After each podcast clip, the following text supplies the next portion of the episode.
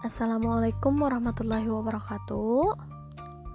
Ibu harap uh, hari ini kalian sehat selalu, jadi bisa menyimak materinya dengan baik. Jadi untuk hari ini kita hanya materi saja. Semoga bisa dipahami apa yang Ibu jelaskan. Jadi untuk materi hari ini kita akan mempelajari tentang kelompok sosial teratur. Jadi bicara tentang kelompok sosial, kelompok sosial itu ada dua jenisnya. Yang pertama kelompok sosial teratur dan yang kedua itu kelompok sosial tidak teratur. Jadi kita belajar tentang kelompok sosial teratur saja dulu. Jadi untuk tujuan pembelajaran setelah mempelajari materi ini, siswa diharapkan mampu memahami apa saja kelompok-kelompok sosial yang masuk kategori kelompok sosial teratur. Kenapa sih disebut kelompok sosial teratur kira-kira? Karena dia ya anggotanya itu jelas, yang namanya teratur itu anggotanya jelas, kemudian terorganisir dengan baik, itu yang disebut dengan teratur.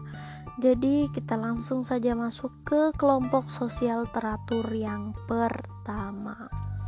Jadi, kelompok sosial teratur yang pertama itu ada in group dan out group. In berarti istilahnya itu adalah sebutan untuk kalau kita bicara bahasa Inggris yang namanya in itu berarti dia di dalam ya. Jadi in group itu sebutan atau istilah yang digunakan untuk menyebutkan atau mengistilahkan semua anggota yang berada di dalam suatu grup atau kelompok. Jadi, e, misalnya kalian e, e, berada nih di dalam suatu kelompok sosial, kita sebutkan saja kelompok sosial kelas ya. Kelas 11 IPS 3 misalnya uh, semua anggota yang ada di dalam terdaftar di dalam kelas 11 IPS 3 itu adalah in group dari kelas 11 IPS 3 begitu juga 11 IPS 2 dan 11 IPS 1 jadi semua anggota yang terdaftar di dalam situ kalau terdaftar itu berarti dia ada namanya di situ berarti dia adalah in group dari dalam daripada kelompok tersebut. Itu istilah untuk in group kemudian lanjut ke out group out group ini bertolak belakang dengan in group kalau yang namanya in tadi berarti di dalam out itu berarti di lu di luar daripada kelompok. Out group sendiri itu sebutan untuk orang yang di luar daripada sebuah kelompok. Yang menyebutkan ini adalah anggota dari in group misalnya saya sebagai guru mata pelajaran sosiologi saya tidak terdaftar di kelas 11 IPS 1 misalnya. Berarti saya adalah out group daripada 11 IPS 1 begitu maksudnya. Jadi in group itu semua anggota yang ada di dalam sebuah kelompok. Kalau out group itu sebutan untuk orang-orang yang di luar daripada kelompok atau grup orang-orang yang ada di luarnya seperti itu. Itu untuk istilah out group. Out itu berarti luar berarti sebutan untuk orang yang di luar daripada kelompok. Hmm, saya rasa paham untuk uh, dua konsep itu ya in dan out group. Kemudian kita lanjut ke kelompok primer primary group dan kelompok sekunder secondary group untuk kelompok primer sendiri, kelompok primer itu ditandai dengan ciri-ciri mereka saling mengenal antar satu anggota dengan anggota lain, kemudian terdapat kerjasama yang erat yang bersifat pribadi. Contoh dari kelompok primer ini itu keluarga, kelompok-kelompok persahabatan, kemudian klan. Klan itu kayak garis keturunan gitu ya marga-marga begitu. Jadi itu masuk ke dalam kelompok primer, primary group. Apa sih primer ini sendiri? Mereka itu kelompok yang uh, sifat kerjasama di dalam anggotanya itu sukarela dan bersifat pribadi jadi uh, tidak menuntut sesuatu misalnya mendapatkan upah dan lain sebagainya karena ada rasa persahabatan atau bisa juga karena kekeluargaan. Itu adalah kelompok-kelompok primer begitu. Itu untuk kelompok primer kemudian kita masuk ke kelompok sekunder. Untuk kelompok sekunder sendiri itu berbanding terbalik dengan kelompok primer. Kalau kelompok primer ikatannya itu kuat kelompok kelompok sekunder ini ikatannya itu tidak bersifat tadi ya sukarela tapi dia karena ada sesuatu. Misal dia uh, juga bersifat formal tidak pribadi ya bersifat formal uh, kemudian uh, didasarkan karena ada kepentingan tertentu. Contohnya uh, pekerjaan itu masuk ke dalam kelompok sekunder. Jadi kelompok-kelompok sekunder ini kelompok yang di luar daripada kelompok primer. Jadi uh, bisa sekolah misalnya pekerjaan sekolah kemudian apalagi ya pokoknya di luar daripada kelompok primer. Kelompok primer sendiri tadi kan ada klan ada keluarga ada persahabatan. Jadi di luar daripada itu itu masuk ke dalam kelompok sekunder. Kalau misalnya kalian menemukan suatu kelompok dia e, berinteraksi atau melakukan sesuatu antar anggotanya itu tidak suka rela berdasarkan upah dan lain sebagainya itu bisa kalian kategorikan ke dalam kelompok sekunder. Itu untuk materi kelompok sosial teratur yang kedua. Kemudian kita lanjut ke kelompok sosial teratur yang ketiga yaitu paguyuban Geminscape dan patembayan Gesellscape konsep paguyuban dan patembayan. Jadi bicara tentang dua konsep ini ini dikemukakan oleh Bapak Ferdinand Tonis. Jadi menurut beliau paguyuban itu sendiri jadi kita masuk ke paguyubannya ya itu bentuk kehidupan bersama antara anggotanya itu diikat oleh ikatan yang murni dan bersifat alamiah serta kekal. Jadi untuk paguyuban ini sendiri ada tiga ya. Paguyuban karena ikatan darah atau Gemenscape by blood jadi istilahnya di paguyuban itu disebut dengan Gemenscape Scape ya Demenscape by blood atau karena ikatan darah ini bisa kita contohkan seperti keluarga atau kelompok ke kekerabatan. Yang kedua itu paguyuban karena tempat yang sama, Gemenscape of place. Jadi ini kita contohkan misalnya kelompok arisan, rukun tetangga, tetangga-tetangga itu masuk ke Gamescape of Place. Kemudian selanjutnya paguyuban karena jiwa atau pikiran Gamescape of Mind. Jadi uh, paguyuban atau kelompok paguyuban ini ini di, uh, untuk uh, of mind ini mereka berkumpul dikarenakan memiliki jiwa atau pikiran serta ideologi yang sama begitu.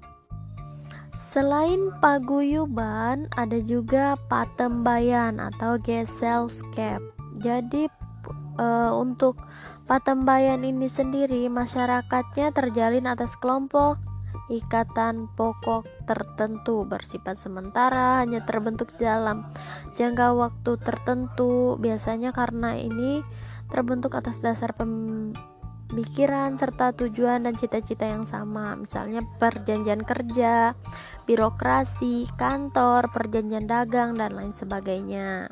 Kemudian untuk ciri patembayan itu ada yang bersifat formal, kemudian memiliki orientasi ekonomi dan tidak kekal, tidak kekal ya. Jadi yang ketiga itu cirinya memperhitungkan nilai guna Kemudian yang keempat itu cirinya didasarkan pada kenyataan sosial.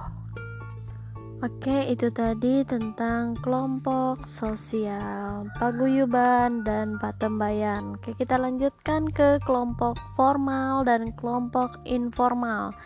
Jadi, eh, kelompok kelompok formal itu menurut Bapak Surjono Sukanto itu mempunyai peraturan yang tegas dan sengaja diciptakan oleh anggota-anggotanya untuk mengatur hubungan antar anggota. Contoh dari kelompok formal ini sendiri bisa kita lihat organisasi ke mahasiswaan atau organisasi kesiswaan. Contohnya kalau di sekolah kita ada OSIM, organisasi siswa uh, intra madrasah jadi uh, di dalam organisasi ini sendiri ada D-nya anggaran dasar dan ART-nya anggaran rumah tangga. Kemudian ada pedoman-pedoman di dalam berorganisasi yang mengatur uh, baik itu anggota, serta segala sesuatu yang berhubungan dengan organisasinya. Jadi yang namanya formal itu dia teratur, memiliki aturan yang jelas dan sanksi yang jelas di dalamnya. Kemudian e, kebalikannya untuk kelompok sosial informal itu tidak mempunyai struktur organisasi sebagaimana kelompok formal. Jadi dia tidak punya struktur organisasi yang pasti dan dan tidak memiliki aturan yang jelas yang mengikat semua anggotanya. Jadi itu ya perbedaan antar kelompok formal dengan kelompok informal. Kemudian kita lanjut ke kelompok sosial teratur selanjutnya yaitu membership group dan reference group. Jadi membership ini adalah uh, suatu kelompok sosial yang setiap anggotanya tercatat secara resmi dan tercatat secara fisik menjadi anggota kelompok tersebut. Jadi yang namanya member, member itu berarti anggotanya itu tercatat secara resmi dalam suatu kelompok. Kalian misalnya membership dari 10 eh 10 11 IPS 2 berarti kalian adalah member di situ karena kalian tercatat resmi di dalam kelas itu begitu. Kelas atau kelompok tertentu. Membership dari Manpaser misalnya kemudian reference group, reference group ini itu kelompok yang menjadi acuan. Reference, reference itu acuan dalam pembentukan pribadi atau perilaku seseorang. Misalnya, seorang yang ingin menjadi nanti ada yang bercita-cita ingin menjadi uh, tentara nasional misalnya tapi gagal memenuhi persyaratan untuk memasuki lembaga pendidikan militer tersebut. Namun ia bertingkah laku layaknya seorang perwira TNI meskipun dia bukan anggota TNI jadi uh, ada yang diikutinya begitu. Contoh uh, reference group ini bisa guru bisa guru bisa orang-orang orang tua misalnya orang-orang yang mempengaruhi kita untuk berperilaku mengikuti mereka begitu misalnya artis ada yang disukai suka sama Sule misalnya Ayu Ting Ting siapa lagi ya?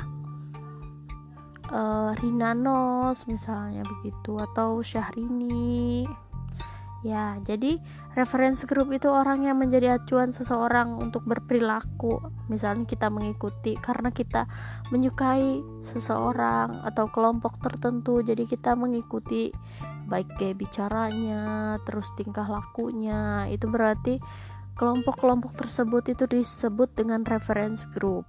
Kemudian selanjutnya ini kelompok sosial teratur yang terakhir yaitu kelompok okupasional dan volunteer.